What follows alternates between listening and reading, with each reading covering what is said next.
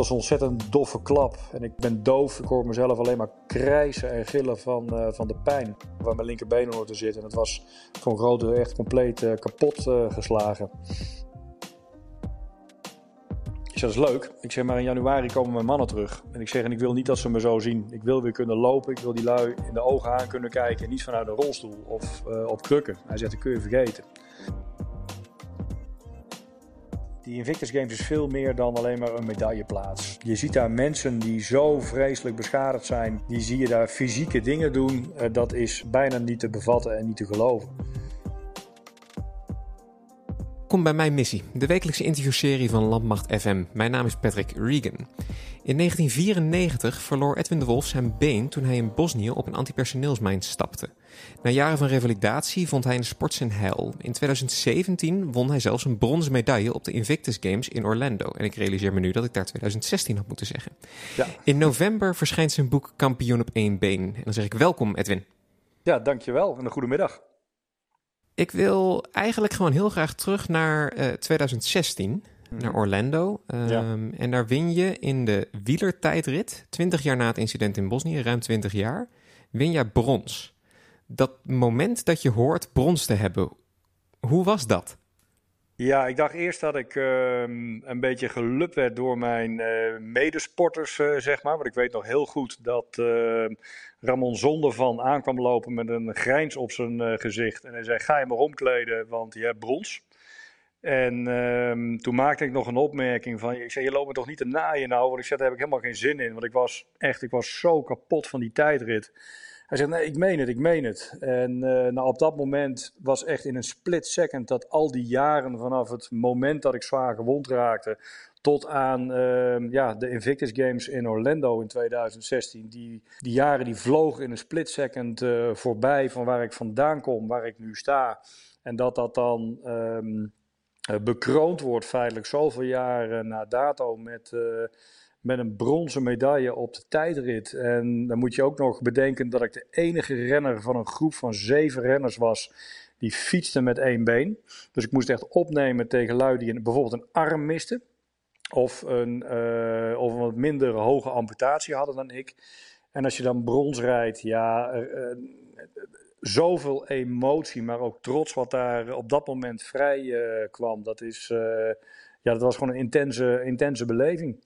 En ook um, na zoveel jaar van, van strijd. Kijk, ik kom uit een tijd dat het woord nazorg um, nog niet echt structureel ingebed was binnen de organisatie. Uh, mensen deden op hun manier wel hun best. Uh, maar ik heb zo gigantisch veel zelf moeten, moeten doen en moeten ontplooien om uiteindelijk weer succesvol te worden. Um, en dat maakt zo'n overwinning, uh, zo'n bronzen overwinning voor die Invictus Games, maakte dat gewoon intens uh, bijzonder, maar ook uh, emotioneel. We dan nog een heel stuk verder teruggaan, nog voordat je revalidatie überhaupt begon. Um, helemaal in het begin, het, het, lag altijd wel voor de hand dat jij militair zou worden, volgens mij. Ja, dat klopt. dat, dat heb je goed. Ik, heb, uh, ik ben opgegroeid uh, met een opa die uh, in de Pilraamstelling Zuid gevochten heeft tijdens het uitbreken van de Tweede Wereldoorlog. En mijn vader is ook oud beroepsonderofficier van, van de Koninklijke Landmacht.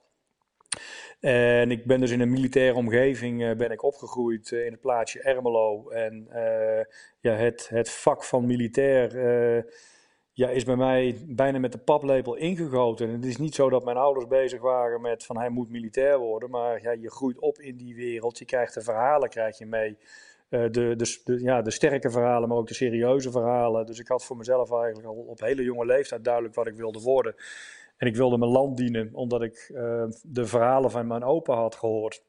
En ik wilde voorkomen dat dat nog een keer zou gebeuren. En ik kende natuurlijk de verhalen van mijn vader uh, tijdens echt de hoogtijdagen van de Koude Oorlog. En, en dat, ja, dat was voor mij een bijna logische keuze dat ik, uh, dat ik ook wilde dienen. En zo is Veilig ontstaan. Als wat ben je toen Defensie binnengerold? Ja, ik ben... Uh, uh, dat was er in die tijd, moest een bonnetje uit de krant uh, knippen. En had ik me aangemeld voor uh, ja, dat ik beroepsonderofficier wilde worden. en dat liefst bij de, bij de infanterie. En dat was, ja, dat was in 1989. En ja, uiteindelijk na de, de keuring en selectie mocht ik in januari 1990 uh, beginnen aan de opleiding tot onderofficier bij de Koninklijke Landmacht. En voor mij kwam op dat moment een jongensdroom uit. Ben je vier jaar later op uitzending gegaan naar Bosnië? Of zijn daartussen ja. ook nog, uh, nog uitzendingen geweest? Nee, nee, die bestond uit uh, opleiding. En na de opleiding ben ik uh, geplaatst bij 41 Panzerinfanteriebataljon Stootroepen in Ermelo. Um, heb ik nog leiding gegeven, uh, mijn praten beurt gedraaid en als instructeur gewerkt met dienstplichtige soldaten. En na die functie heb ik uiteindelijk de keuze gemaakt dat ik naar de luchtmobiele brigade wilde. Die was op dat moment net gevormd. En dat was de eerste brigade die louter en alleen zou bestaan uit beroepsmilitairen. En ja, hoe mooi is het om als beroepsonderofficieren leiding te gaan geven aan mannen die bewust gekozen hebben voor het vak van militair. Dus voor mij, uh, ja, um, was een plaatsing na het behalen van de Rode Beret um, bij de Charlie Compagnie van 12 Infanteriebataljon. En daar ben ik uiteindelijk uh, mee op uitzending gegaan richting de enclave Srebrenica. Op uitzending gaan is dan wel een, uh, ja, dan komt het allemaal wel samen, denk ik. Ja, kijk, toen we dat. Kijk, als militair wil je uitgezonden worden. Want uiteindelijk zo'n eerste uitzending is ook een beetje een testcase of je uit het juiste hout bent gesneden als militair, maar in mijn geval ook als leider. Dus aan de ene kant zag ik enorm uit naar, uh, naar die uitzending. En uh, wilde ik mijn werk doen als leidinggevende van een infanteriegroep. Maar ja, aan de andere kant had je ook nog een deeltje wat, wat de mens Edwin was. Van de onzekerheid van, shit, kan ik dit wel? Ben ik uit het juiste hout gesneden? Want ik had tot, dat toe, tot dan toe had ik feitelijk alleen maar onder vredesomstandigheden geoefend. En uh, ja, als je dan fouten maakt, is het allemaal niet erg. En dan ook 24 jaar volgens mij. Ja, ja, ja ik was ontzettend jong. Dus je had aan de ene kant had je de hele zelfverzekerde onderofficier die uh, vol vertrouwen uh, zijn eerste missie tegemoet zag. Maar aan de andere kant had je ook de mens die ja, ook wel nadacht over: ben ik in staat om leiding te geven aan mijn mensen als het erop aankomt? Want het was weliswaar een humanitaire missie. Maar ehm, ja, met name toen de Canadezen in het operatiegebied zaten, die hebben toch af en toe behoorlijke klappen te verduren gehad. En ja, ik wist echt niet of ik mijn kop erbij zou kunnen houden als het, er, als het erop aan zou, zou komen. Dus, maar goed, je bent jong, je voelt je onsterfelijk, je kunt de hele wereld aan, heb je het idee. Dus je gaat vol vertrouwen, ga je uiteindelijk die missie in. In die missie, wat heb je daar gedaan? Hoe, wat was jullie rol? Ja, we hadden een, wij zaten aan de noordzijde van de enclave. En uh, wij opereerden in het westelijke deel van die, van die noordzijde van de enclave. Waarbij we een tweetal observatieposten hadden die bemand moesten worden. En het lopen van patrouilles. En het konden sociale patrouilles zijn. Het konden patrouilles zijn om met name de zichtbaarheid te vergroten. Maar het kon ook zo zijn dat je, ja, als je strijders tegenkwam die gewapend waren, dat die ontwapend moesten worden. Uh, het was een behoorlijk uh, breed, breed, spectrum aan, aan, taken die we daar moesten doen. En de eerste twee weken na inzet, of in het operatiegebied, ben ik geplaatst op OP Alpha. Dat is een van de observatieposten. Dat was ook de observatiepost waar toch re relatief vaak geschoten werd. dan wel overheen, dan wel op. En ja, dat zette mij ook wel aan het denken. Alleen ik heb die twee weken, die vlogen voorbij. Er zijn ontzettend veel dingen zijn er gebeurd. Uh, zoals een mortiergranaat die achter de post geklapt is. Er is uh, op de post, over de post heen geschoten. En wat ik bij mezelf merkte is dat ik rustig kon blijven. En dat ik niet als een kip zonder kop rond ging lopen en dat ik mijn mannen kon aansturen. Dus die eerste twee weken van, uh, van de uitzending waren voor mij eigenlijk al ontzettend belangrijk in, uh, in een stukje eigen uh, beeld als, als leider. En ik had zoiets van, hey, weet je wat, ik, ik blijf rustig. Ik kan, ja, dus op dat moment gewoon heel erg directief leiderschap. Ik kan mijn ding blijven doen. De mannen die reageren zoals het moet. Dus ja, volgens mij gaat dit wel goed komen hier. Dus zo zijn die eerste twee weken van de uitzending uh, uh, ja, begonnen en uh, was de leercurve ontzettend steil. Is er op een gegeven moment een dag dat je op een antipersoneelsmijn stapt? Ja, klopt. dat was 18 augustus 1994. Um, wij moesten terug naar um, het, ons operatiegebied waar wij een week daarvoor onder vuur hadden gelegen. Uh, toen wij daar op patrouille liepen in datzelfde gebied. En ik moest weer terug richting uh, diezelfde hoogtelijn uh, 820. Dus ik had de patrouille voorbereid. S'avonds een deel van de route hebben wij voorverkend. En wij zouden, ja, s ochtends vroeg om 8 uur zouden wij richting die hoogtelijn vertrekken. Om daar in ieder geval een aantal waarnemingen uit te voeren en daar het gezicht te laten zien. Want je had van daaruit een heel mooi overzicht op, op een aantal Servische stellingen. Ehm, toen, wij eigenlijk, toen ik eigenlijk klaar was met mijn uh, commandovoerings- en bevelvoeringsprocedure, toen kwam er een uh, signaal binnen dat er een groepscommandant van een andere peloton op een antipersoneelsmijn was getrapt. En ja, daar schrokken we eigenlijk behoorlijk van. En we spraken op dat moment als groep af van, luister lui, we zitten hier net uh, in de vierde week van de uitzending. We gaan geen risico nemen als het niet moet. We gaan wel ons werk doen zoals het voor ons verwacht mag, mag worden. Maar na een half jaar zijn we met z'n allen veilig thuis. En dat, eh, dat spraken we af, omdat we toch echt wel schrokken van, eh, van het feit dat die eh, collega-groepscommandant op een AP-mijn was getrapt. Nou, en ja, we gaan ons mandje in. S ochtends vroeg gaan we ja, ontbijten, de patrouille voorbereiden en we vertrekken de poort uit vanaf OP Mike, observatiepost Mike, waar we op dat moment zaten. En bij de hoogtelijn aangekomen, doen we onze waarnemingen. En bij een van de opstellingen waar we op een gegeven moment naartoe lopen, kom ik in contact met een antipersoneelsmijn. En dat ding dat slaat mij in een bunkertje, uh, wat, daar, wat, ja, wat voor mij was. En uh, het was een ontzettend doffe klap. En ik ja, word, eigenlijk dat bunkertje word ik in uh, geslingerd. En ik ben, op dat moment ben ik blind. Ik ben doof. Ik hoor mezelf alleen maar krijsen en gillen van, van de pijn. Ik kan niet plaatsen wat er is. Ik ben compleet in paniek. En op een gegeven moment komt mijn gezichtsveld een beetje terug en ik uh, zie de merk voor mij zitten met trillende handen. En ik kijk naar mijn been, waar mijn, uh, ja, waar mijn linkerbeen onder te zitten. En het was voor een grote echt compleet uh, kapot geslagen. En ik, ja, uiteindelijk moest ik mezelf uit dat bunkertje zien, te, zien te krijgen. Het was een hele nauwe ingang, dus dat, het is al een wonder dat ik er op een of andere manier ingeperst ben. En ik duw mezelf naar buiten toe en uh, op dat moment uh, kon de medic wat beter bij me. En die zegt tegen me, Ed, heb je nog ergens last van buiten je been? Ik zeg, mijn arm, mijn linkerarm kan ik bijna niet bewegen. Het tilt mijn arm op en het bloed dat spoot daar op het pompen van het hart uit. En op dat moment was ik gewoon echt bang dat ik dood zou gaan. Omdat ik weet wat een slagaardige bloeding met je doet als je hem niet snel dicht kunt, kunt krijgen. Ben je op dat moment dus echt gewoon dusdanig bewust van uh, wat er gebeurt, dat al die gedachten echt door je hoofd heen gaan? Want ja. ik, dit is een slagadelijke bloeding, ik weet wat dit tot gevolg kan hebben. Ja, ja daar, ben ik me, daar was ik me op dat moment ontzettend bewust van. Terwijl ik om mij heen uh, ja, de groep, zeg maar, uh, activiteiten zien, zien ontplooien zeg maar, om mij daar weg te krijgen. Um, de medic is met mij bezig, die houdt contact met mij. En ja, los van het feit dat ik antwoorden geef op hem uh, trok ik voor mezelf al een aantal conclusies van als dit niet snel uh, behandeld wordt, dan loop ik leeg en bloed ik dus gewoon dood. En dat maakte me op dat moment heel erg bang. Maar um, kijk, links of rechts als mens wil je leven. En ik merkte dat ik niet wegzakte. Ik merkte dat ik uh, heel actief met mijn eigen medevac bezig kon zijn. En dan kom je in een soort overlevingsmodus. Een soort vechtlust ontstaat er om vooral in leven te blijven. En dat, uh, ja, dat, is, dat, dat is gelukt. Anders hadden we elkaar natuurlijk nou niet aan de telefoon. maar um, ja, die jongens die, uh, die hebben uiteindelijk hebben die mij op een uh, eerst op een geïmproviseerde draagbaar wat niet goed ging. Uiteindelijk op een normale draagbaar terecht afgelegd. En hebben we nog een afstand van ruim drie kilometer moeten overbruggen richting de IPR gewondentransport die klaar stond. En in die tussentijd ja, um, ben ik eigenlijk constant bij bewustzijn gebleven.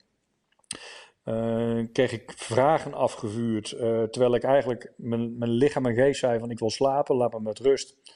Maar het is uiteindelijk gewoon een, uh, ja, van belang geweest dat ik vragen kreeg en antwoord moest geven. Omdat iedereen zo bang was dat als ik de ogen zo dik zou doen, dat ik ze ook uiteindelijk niet meer open zou, zou doen. Want mijn situatie daar op dat moment was echt, ik hing aan een ontzettend dun draadje. Ben jij je dan ook vanaf het begin bewust geweest van het feit dat je je been kwijt zou raken? Of Ja. kwam die realisatie later? Nee, ik, uh, die conclu- ook die conclusie trok ik uh, um, toen ik naar mijn been keek, zeg maar, wat er van over was. En het enige wat ik dacht van, oké, okay, dit is einde carrière. Iets wat ik van kinds af aan al wilde, eindigt uh, hier en nu. Het is voorbij. En ehm, ja, dat was. Ehm, dat is op, en op dat moment werk ik alleen maar naar huis toe. Je wil weg daar zo. Je wil alles vergeten wat er gebeurd is. En, uh, maar in die tijd uh, ja, gaat er natuurlijk heel drillmatig gaat er een heel systeem gaat lopen uh, om mij zo snel mogelijk richting het veldhospitaal te krijgen. Dus toen die jongens mij uiteindelijk ja, bij de IPR hadden en de dokter die daarin zat met een met een verpleegkundige. Uh, die hebben mij uiteindelijk eh, nog verder gestabiliseerd, achter in die IPR uh, eh, geschoven. En uh, die zijn als een, ja, als een, echt als een achterlijke zijn die uiteindelijk teruggereden naar, naar de compound in Potokari. En daar kwam de IPR tot stilstand en de klep aan de achterzijde ging open. En het zonlicht die komt, ja, die, die schijnt die IPR in. En ik word naar buiten getrokken en ik moet wennen aan het zonlicht. En de eerste die ik zie en recht in de ogen aankijk was mijn kompiescommandant, uh, de, de toen kapitein uh, Ludie de Vos. En ik kijk hem aan in zijn ogen en hij kijkt mij aan. En ik, het enige wat ik kon uitbrengen was sorry kapitein. Omdat ik, niet, ja, omdat ik me niet alleen maar realiseerde wat, hoe beroerd mijn situatie op dat moment was. Maar dat ik me ook realiseerde wat de impact van dit hele incident uiteindelijk op hele jonge mannen zal hebben. En niet alleen op mij, maar uiteindelijk ook iedereen die er op dat moment bij betrokken zou, is geweest en was. En, uh, uh, want we waren allemaal, ja, ik was 24, de mannen in mijn groep die waren uh, 20, 21. ja, dat is gewoon een hele jonge leeftijd. En met name als je dan zoiets intens meemaakt, dat, eh, dat gaat gewoon zorgen voor, eh, ja, voor een kras, links of rechtsom. Vergeet je nooit meer. Dat vergeet je nooit meer, nee. En ja, goed, ik word de operatietafel binnengebracht. Ik word op de operatietafel word ik, uh, geschoven. En het enige wat ik zie was een immense plas met bloed die op en neer gaat over de draagbaar. En ook de kleding die ik aan had, was gewoon doordrenkt van, uh, van bloed. En ik kijk de arts aan, de chirurg, en ik zeg: Kun je mijn been redden? En dat was eigenlijk een, een uitspraak uh, tegen beter weten in. En hij zegt: Ik doe mijn best. En op dat moment doe ik de ogen dicht en ik zou ze drie uur later pas weer open doen. Uh, en met het gevolg dat uh, ja, mijn been tot, uh, tot boven de knie uiteindelijk geamputeerd is. En mijn arm behouden kon worden op dat moment door het betere knip- en plakwerk van, van die chirurg. En dat zou uiteindelijk nog tot in Nederland duren. Ehm, dat ik zekerheid had dat, dat mijn arm zeg maar, niet geamputeerd hoefde te worden. En die zit er gelukkig nog aan. Dan ga je denk ik vrij rap terug naar, uh, uh, naar Utrecht. Dan ben je in Nederland. En ja. daar begint dan een revalidatieproces. Ja, klopt. Twee dagen later uh, teruggevlogen naar Nederland. uiteindelijk word je dan opgenomen in het Centraal Militair Hospitaal. daar heb ik tien dagen gelegen, twee keer geopereerd. En ja, na tien dagen werd ik daar ontslagen, omdat ja, ik inmiddels sterk en stabiel genoeg was. Na een weekje rust mocht ik me gaan melden op het militair revalidatiecentrum in Doorn. Ik had er werkelijk waar nog nooit van gehoord. om daar um, ja, te gaan revalideren. En ja, ik had echt voor mijn gevoel nog het idee van ja, ik moet op een houten poot gaan, uh, gaan lopen. En um, ja, hoe ik vooruit zou moeten, ik had voor de rest geen idee. Um, je wordt vanaf dat moment zo geleefd in je agenda, in je planning. Je hebt, de, je hebt geen regie meer over je eigen leven. Uh, en alles draait feitelijk om, uh, om de revalidatie. En daar ben ik toen mee begonnen bij de revalidatiearts. En die zei: Ed, welkom hier. En uh, we gaan minimaal een jaar revalidatie voor je uittrekken en zo niet langer. Ik zei tegen die arts: van, um, dat is leuk. Ik zeg, maar in januari komen mijn mannen terug. En ik zeg, en ik wil niet dat ze me zo zien. Ik wil weer kunnen lopen. Ik wil die lui in de ogen aan kunnen kijken. En niet vanuit een rolstoel of op krukken. Hij zegt, dat kun je vergeten. Alleen die uitspraak al dat iemand anders voor mij zou bepalen dat ik iets kon vergeten, dat triggerde mij op dat moment. En ik had op dat moment feitelijk al mijn eerste nieuwe doel voor ogen. Dat het was op dat moment eind augustus en ik wilde uiteindelijk in december weer lopen. En om in januari mijn mannen lopend op te halen. En uh, iedereen zei dat kan niet. En ik liep in december en in januari heb ik mijn mannen lopend opgehaald. Maar dat was voor mij zo'n belangrijke trigger op dat moment om uh, gewoon weer op de been uh, te komen. Om uiteindelijk weer alles te kunnen doen. En te bewijzen dat ik, ondanks dat ik een been miste, dat ik in staat was om uh, ja, gewoon Edwin weer te kunnen zijn. En, en, en, en ook weer doelen in het leven te kunnen hebben. past het ook wel heel erg bij je persoonlijkheid. Dat je zo snel weer eigenlijk gas erop wilde geven en gewoon door wilde. Ja, en het komt denk ik ook wel een beetje uit de cultuur waarin je gevormd bent en opgeleid uh, bent binnen uh, gevechtseenheden bij, uh, bij de landmacht. Dat je uiteindelijk, ja, je hebt uiteindelijk een, een, een taak en die taak die wil je ehm, maar op één manier uitvoeren en dat is goed. En minder dan goed, daar neem je geen genoegen mee. En daar ben je bereid voor je, je gewoon 300% voor in te zetten.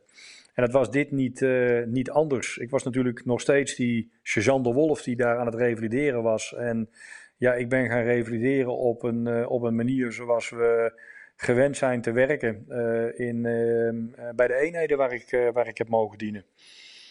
En, en het zit natuurlijk ook wel een beetje in, in de aard van het, van het beestje. En um, ja, sinds die tijd, ik liep natuurlijk al relatief snel. Uh, dat veroorzaakte wel één probleem: dat ik thuis kwam te zitten. En uh, dat ik zeeën van tijd had. En ja, gewoon niks meer om handen had, geen werk had, niks had. Uh, waardoor je uiteindelijk met het mentale component te maken krijgt. omdat je gewoon zeeën van tijd over hebt. En dat je ook in één keer realiseert dat je nooit, maar dan ook nooit meer dat camouflagepak zou aantrekken. En dat je nooit meer, uh, of dat je geen onderofficier meer mag dan wel kan zijn. En dat, uh, ja, dat veroorzaakt uiteindelijk toch wel een behoorlijk mentaal, een mentale knak uh, feitelijk. Um, en dat escaleerde op een, uh, tijdens een feestavond op de kazerne in Schaarsbergen. En waar er gewoon uiteindelijk veel te veel biertjes in gingen. En dan hoor je allerlei verhalen om je heen van mensen, van mannen die uiteindelijk gevormd zijn als militair. Leiders die, die verder gevormd zijn als militair leider. En dat, dat hoor je dan aan en dan gaat het bier er steeds um, sneller en, uh, en uh, in dan, uh, ja, dan, dan normaal is. omdat je uiteindelijk wil um, verdrinken in je eigen verdriet. Omdat je zelf dat soort verhalen van een half jaar uitzending niet hebt. Dus op een gegeven moment ging het licht compleet uit. En mijn kompiescommandant die zei tegen mij van... Ed, ik ben zat met jou, jij gaat de hulpverlening in. Ik zeg, ik denk dat het een hele goede is. Dus um, ik ben vanaf dat moment heb ik uh, de hulpverlening ook met beide handen aangegrepen. En uh, zijn we met name aan het mentale component uh, gaan werken van het hebben van een beschadigd lijf. En hoe verder naar, naar de toekomst toe. Er dan ook uit voortgekomen dat je op een gegeven moment weer op een fiets bent, ben gestapt? Nee, nee, nee, dat is pas uiteindelijk wel. Ik heb altijd veel op de fiets gezeten. Ik dacht op dat moment echt dat ik dat niet meer zou kunnen vanwege mijn beenprothese. Um, maar uiteindelijk um, um, ja, moet je, als je merkt dat het met jezelf wat beter gaat, dan uh, trek je voor jezelf ook de conclusie van: hé, hey, ik moet zorgen dat ik structuur in mijn leven krijg. Want ik had totaal geen structuur in mijn leven. Als ik de hele dag op een nest wilde blijven liggen, dan deed ik dat. Maar uiteindelijk is dat gewoon killing. Uh, als je geen structuur hebt in je leven en geen doelen hebt in je leven. Dus ik heb op een gegeven moment ook tegen de, de brigade in Schaarsbergen gezegd: van hey, luister, maakt me niet uit wat. Ik wil weer aan het werk. Ik moet een reden hebben om die wekker te zetten.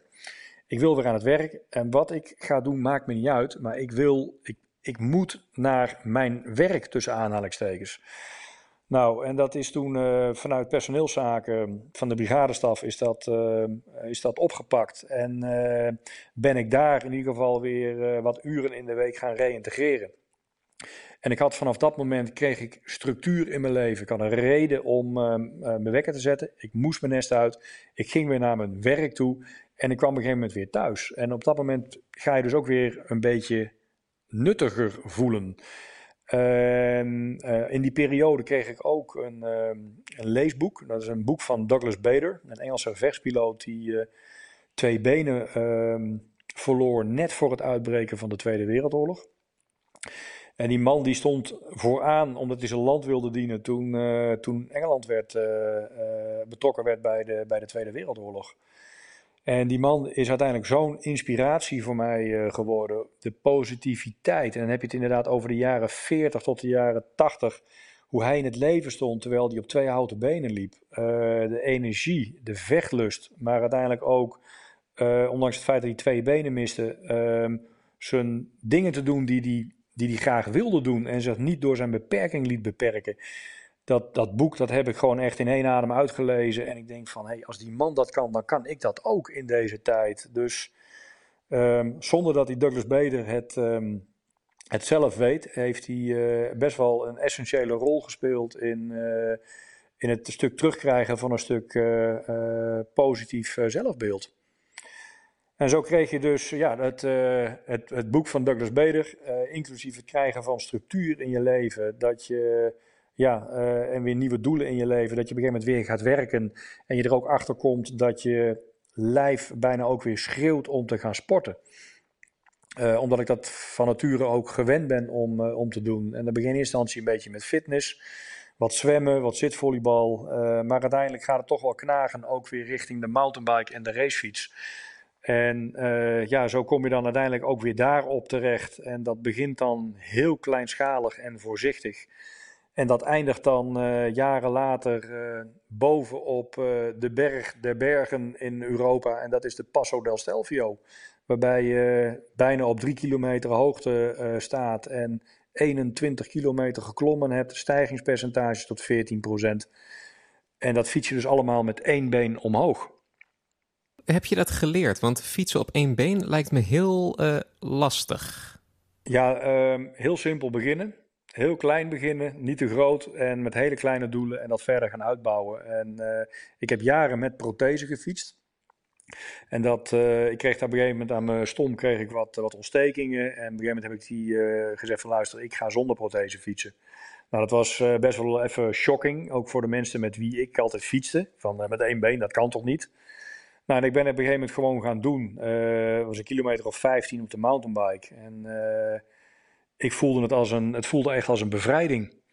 Ik had niet meer uh, de druk en het oncomfortabele gevoel van die beenprothese tijdens het fietsen. Maar ik had bewegingsvrijheid over het zadel heen. Ik kon wat makkelijker staan. Ik had geen last meer van een prothese die in de weg zat. En er ging gewoon een hele nieuwe wereld voor mij, eh, voor mij open. En sinds die tijd wil ik gewoon niet meer zonder. En dan vraag je jezelf ook af van oké, waartoe is het menselijk lichaam in staat? En dan merk je ook wel dat uiteindelijk op het moment dat je de juiste mindset hebt om je doelen te realiseren, uh, je met die mindset uiteindelijk uh, ontzettend veel kunt bereiken. En dat uh, het fysieke aspect daar maar een klein onderdeel van, van is. En dat het dus uiteindelijk allemaal om mindset draait. En ik wil mijn mindset wil ik, uh, ja, helder houden, die wil ik gezond houden en vooral heel positief. Er komen op een gegeven moment de Invictus Games op je pad. Ja, want dat was wel heel bijzonder. Uh, daar kwam ik in 2014, 2015 kwam ik daarmee in aanraking. En ik vond dat zo bijzonder. Uh, met name omdat ik uit een tijd stap dat er werden geen sportclinics georganiseerd. Er was helemaal niks, hè? Totaal niks. Ik heb moeten pionieren. Het was allemaal in eenzaamheid. Je werd er niet in begeleid. En dan krijg je in één keer, omdat je op het uh, revalidatie... Ik werkte toen al op het revalidatiecentrum in Doorn. Word je dan in één keer geconfronteerd met een Invictus Games. En uh, een, een, internationaal multisport evenement voor gewonde, zieke en chronisch geblesseerde collega's. En ik denk, wat is dit joh? En dan zie je een hele grote groep, met name Afghanistan gewonden. Waar ik inmiddels al behoorlijk wat lui van kende natuurlijk, omdat ze een arm of een been moesten missen. En uh, ja, ik keek er in eerste instantie uh, heel onwennig tegenaan, omdat ik dat vanuit mijn eigen verleden niet gewend was. Clinics, sporten met een grote groep, groep gewonden. Um, maar ik had wel zoiets van, nou dit is, dit is zo bijzonder, dit is ja, ik heb hier feitelijk jaren op gewacht, omdat ik eigenlijk altijd alleen was en het alleen moest oplossen.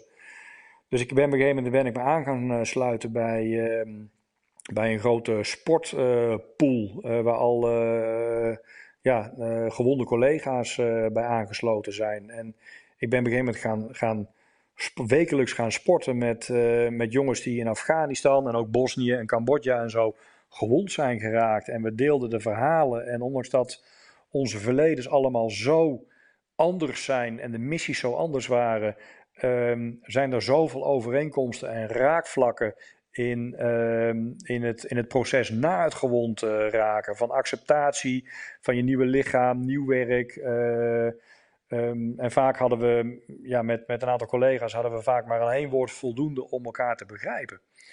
En dat was, dat was zo intens bijzonder voor mij. En ik denk van ja, hier moet ik in 2016, hier moet ik gewoon aan meedoen. Dit zou voor mij, na al die jaren knokken en al die jaren dingen doen, met name, en ook met name ook dingen doen waarvan de geleerden zeiden, dat moet je niet doen, want dat is bijvoorbeeld te hoog gegrepen voor je.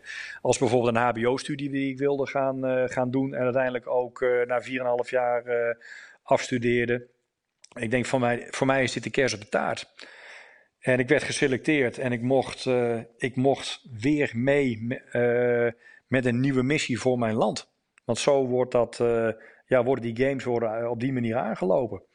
En ik was, ik was trots en het was een kers op de taart. En uh, ja, ik, uh, ik wist één ding zeker. Deze missie zou, wel, uh, zou ik wel tot een goed einde brengen. In de voorbereiding, uitvoering en de afronding daarvan.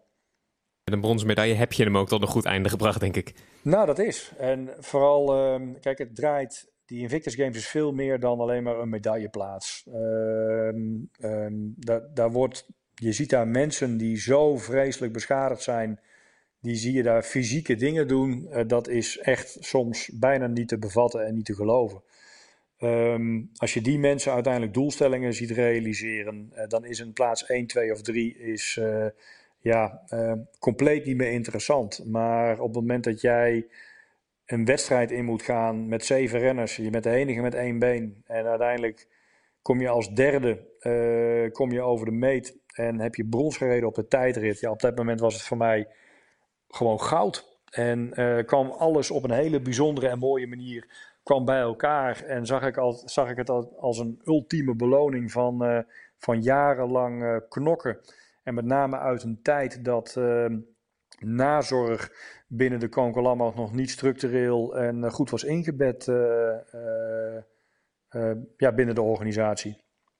En dat maakte me heel erg uh, trots op waar ik op dat moment uh, uh, stond. Ehm, ja, ik en mijn, mijn racefiets. En na afloop van de vorige Invictus Games, ehm, ik kom zelf uit Den Haag. toen scrollde ik door Facebook en toen zag ik inderdaad, toen had ik nog nooit van jou gehoord, maar toen zag ik dus iemand met één been door Den Haag fietsen. Um, en dat was de reclame voor de Invictus Games die in 2020 naar Den Haag, dus Nederland, komen. Um, wat was jouw rol daarin? Want naast zo'n trailer denk ik dat je er nog meer mee, uh, mee te maken hebt.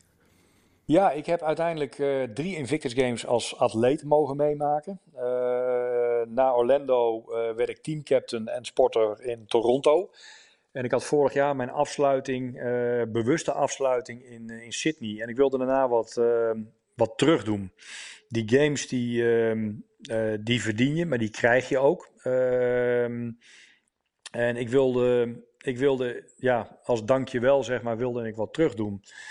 En uh, de oud-commandant uh, der landstrijdkrachten, de generaal de Kruif, die uh, was voorzitter of werd voorzitter van, van de stichting Power Freedom. Dat is de stichting die verantwoordelijk is voor de organisatie van de, van de Games volgend jaar in Den Haag. En die, ja, die wilde een, een gewonde militair in het bestuur hebben. En ik denk van, hé, hey, bestuurlijk kan ik goed meekomen. Ik kan praten vanuit ervaring van drie games die bestuursfunctie lijkt me wel wat. Dus dat ik heb gewoon aangegeven. Ik heb een gesprek gehad en uh, ja, ik, uh, uh, ik zit dus in het bestuur wat, wat voor de eindverantwoordelijkheid draagt voor de organisatie van de games in Nederland. En ben daarnaast ehm, ambassadeur voor, eh, voor de games. En nu is het vaak zo dat een ambassadeur geen actieve rol heeft. Ehm, alleen bij mij is ambassadeur tussen aanhalingstekens, want ik ben juist wel actief hoe waren de reacties op, op, op zoiets um, moois? Want ik, toen ik hem zelf zag, heb ik echt wel even moeten slikken toen hij voorbij was. Ja, eh, dat, uh, dat heb ik vaker gehoord. Uh, want uiteindelijk het is uh, het is confronterend om daar in één keer iemand met één been te zien fietsen. En vooral als je dat niet gewend bent van je eigen omgeving. Maar uiteindelijk als je het verhaal goed bekijkt en begrijpt. Uh, want uiteindelijk feitelijk is het, ja, is het gewond raken van een militair wordt er feitelijk in beschreven. Maar uiteindelijk ook de, ja, uh, uh, het uiteindelijk ook weer krachtig in het leven komen staan en succesvol kunnen worden in je, leven. Um, zie je vaak dat mensen in eerste instantie schrikken van, oh wat gebeurt hier? Maar uiteindelijk richting het einde van die promo, dat ze uiteindelijk ook weer de energie voelen en de kracht van uiteindelijk het, over, ja, het, het, onoverwonnen uh, zijn, het onoverwinnelijke, het, het invictus uh, zijn. En dat, Ja, ik heb feitelijk eigenlijk alleen maar hele positieve reacties gehad met wat ik zelf gehoord heb. Al en niet rechtstreeks, dan wel via derden. En ja, en dat ook internationaal. En ik weet zeker dat, dat deze promo ja, een hele mooie basis is om ja, de games voor, voor volgend jaar, om daar mensen warm te voor, voor te gaan maken. Games zijn, zijn volgend jaar. ik wil nog even terug naar het nu, want jij werkt nu in het revalidatiecentrum in ja. Wat doe je daar precies? Ja, ik werk op het Militaire Revalidatiecentrum in Doorn en daar heb ik een leidinggevende functie. Ik geef leiding aan 22 specialisten en wij werken binnen orthopedietechniek Adenburg. En dat is de orthopedische instrumentmakerij van het Militair Revalidatiecentrum. En die 22 specialisten, ja, opgeleid en, uh, en geschoold in uh, onder andere het kunnen maken, aanmeten, het maken en afleveren van onder andere uh, arm- en beenprotheses. En dat kunnen eenvoudige arm- en beenprotheses zijn, maar dat kunnen ook uiterst geavanceerde protheses kunnen dat, dat zijn. Maar um, uh, we leveren daarnaast nog een hele diversiteit aan andere medische hulpmiddelen om uiteindelijk de nog actief dienende militairen onder andere ook inzetbaar uh, te houden. Ja, ik heb uh, wat dat betreft, um, ik kan me in die baan mijn verleden als leidinggevende, als militair gebruiken. Ik heb HBO, beleid en management gestudeerd, dus ik kan het, mijn kennis en ervaring eh, die ik uh, tijdens mijn studie heb opgedaan, kan ik gebruiken. En uh, ja, met, met name, uh, dat is denk ik ook wel het allerbelangrijkste, mijn ervaring van inmiddels ja, bijna 25 jaar beenprothesegebruiker kan ik ook toepassen in, in de wereld waarin ik, waarin ik werk. En je hebt ook een aantal keer gezegd dat je uh, dat in jouw tijd, dat toen jij net gewond was geraakt, um, het niet zo goed geregeld was. Uh, ik ga er dan vanuit dat in je huidige rol je er ook een beetje voor kan zorgen dat dat stuk ook verbetert, of misschien al verbeterd ja. is. Ja, kijk, ik heb, uh, ik heb het, je kunt het lezen en ik zeg het ook dat inderdaad in mijn tijd was het gewoon niet goed geregeld. En dat hoef je ook niet over onder stoelen of bank uh, te, schu te, schuiven. Dat weet iedereen. En daar, ehm, ik ben daar ook nooit boos over geweest, want zo was het in die tijd. Um, sterker nog, ik heb het uiteindelijk heb ik het um, een positieve draai gegeven. Want juist omdat het wat minder goed geregeld uh, was, moest ik uiteindelijk um, mijn eigen verantwoordelijkheid gaan nemen en gaan knokken voor wat ik graag wilde. En met name het nemen van, uh, van je eigen verantwoordelijkheid, dat, dat kan je alleen maar zelf. Dat heeft er uiteindelijk wel toe geleid dat ik heel actief wil, uh, ben gaan worden in wat ik uh, wilde gaan doen. En wat ik belangrijk vond, wat voor mij geregeld moest, uh, moest worden. Dus um, elk nadeel heeft zijn voordeel. Ik denk dat inderdaad het nadeel dat er weinig tot niks geregeld was, heeft er uiteindelijk wel voor gezorgd dat ik. mijn eigen van, dat ik heel erg bewust was van het nemen van mijn eigen verantwoordelijkheid. In plaats van alleen maar trappen tegen een organisatie. De organisatie juist aandragen wat ik, ja, wat ik graag wilde. En dan merkte je, en ik merkte ook in die tijd dat uh, uh, uh, op het moment dat je gewoon een goed verhaal was, had en het werd goed onderbouwd, dat, dat die organisatie uiteindelijk wel meeging. En ik, ik maak van die kennis die ik heb, maak ik daar nu gebruik van om een jonge generatie mensen met onder andere een arm of een beenamputatie daarin te begeleiden. En het hoeft niet altijd, want er zijn uh, lui zat die, uh, die zelf heel snel in de smiezen hebben Um, uh, dat ze hun eigen verantwoordelijkheid moeten nemen. Maar ook ik heb wel eens een, collega gehad, ja, waarbij je gewoon eens een keer rustig gaat zitten en uh, ja, gewoon eens wat dingen gaat, uh, gaat doornemen. En dan maak ik gebruik van mijn ervaring om een jongere collega uiteindelijk weer op de rit te krijgen. En dat vind ik heel dankbaar om, om te mogen doen. Uh, gieren we gigantisch uit de tijd, maar dat maakt helemaal niet uit. Uh, want er is één ding wat ik echt nog heel erg bewust wil vragen. Ja. Jij noemde voor het gesprek uh, dat jij zelf ehm, een, ik, mag ik het een baanbrekende medische ingreep eh, noemen? Ja, ik zit in een traject dat heet osseo-integratie.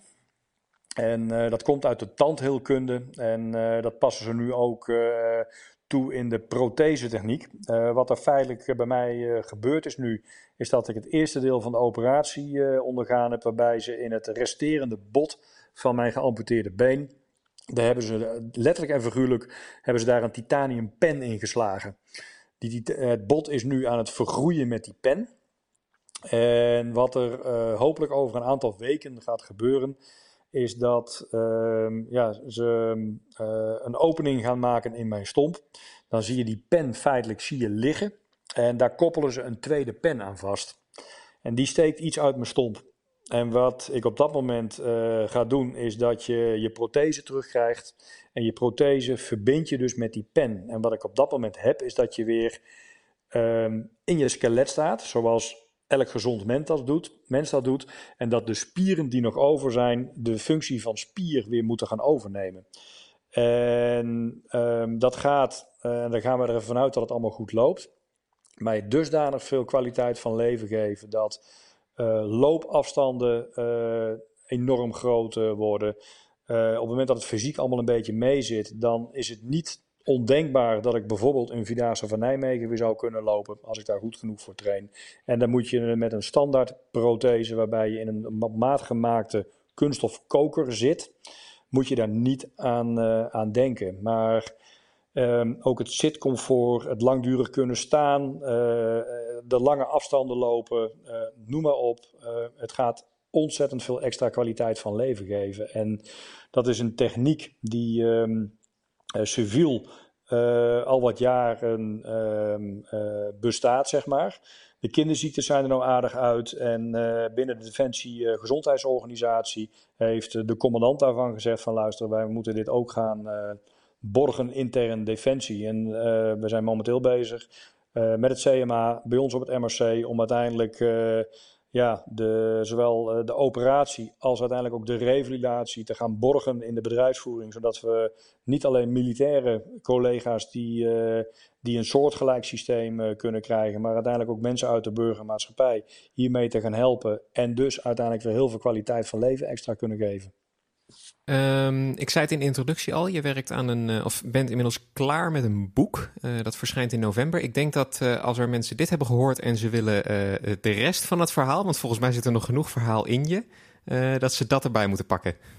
Ja, ik zou het alleen maar willen aanraden, want kijk, het is het, het, is het gedetailleerde, um, de echte gedetailleerde versie van waar we het nu feitelijk in een nutshell over gehad hebben. En het neemt ehm, de lezer echt mee in een verhaal over moed, toewijding en veerkracht. En op het moment dat je ja, echt in de piek van je leven staat, een gigantisch ravijn in, uh, in dondert en jezelf uiteindelijk ook weer omhoog moet, uh, moet knokken. En dat is op sociaal-maatschappelijk vlak, dat is op het gebied van werk en uh, sport, werk en studie, maar uiteindelijk ook, ook sport. Ja, ik ben er bijna van overtuigd dat iedereen wel iets aan dit boek heeft en dat er elementen in staan waar uiteindelijk elk mens wel wat mee kan. En dan hoef je niet een beperking uh, te hebben. Dan kun je uiteindelijk ook een, uh, ja, in een gezond lichaam uh, zitten. Het boek komt in november uit en jij, het is al voor te bestellen, geloof ik. Ja, via mijn website www.edwindeholf.nl is het boek nu al te bestellen. dan ontvang je ook een gesigneerd exemplaar. En uh, om exact te zijn, 16 november eh, van dit jaar uh, komt het boek uit. Ik weet één ding zeker. direct na dit gesprek heb je één voorbestelling van, van mij alvast binnen. Tof. Ehm, echt onwijs bedankt voor je verhaal. Ja, heel graag gedaan. Mijn gast vandaag was Edwin de Wolf. En onwijs bedankt voor het luisteren. Uh, ben je nou fan van de show? Help ons door een review achter te laten op Apple Podcasts of Stitcher. Of raad de show aan bij vrienden, familie, collega's. Eigenlijk iedereen die het ook maar enigszins interessant zou kunnen vinden. Uh, ik zou dat in ieder geval ontzettend waarderen. Mijn missie is een productie van de Koninklijke Landmacht. Nieuwe afleveringen komen iedere maandagochtend online en je vindt ze in de meeste podcastspelers. Je volgt Koninklijke Landmacht via Twitter, Instagram, Facebook en YouTube. En check defensie.nl voor het laatste nieuws rondom de krijgsmacht. Nogmaals, onwijs bedankt voor het luisteren en tot volgende week.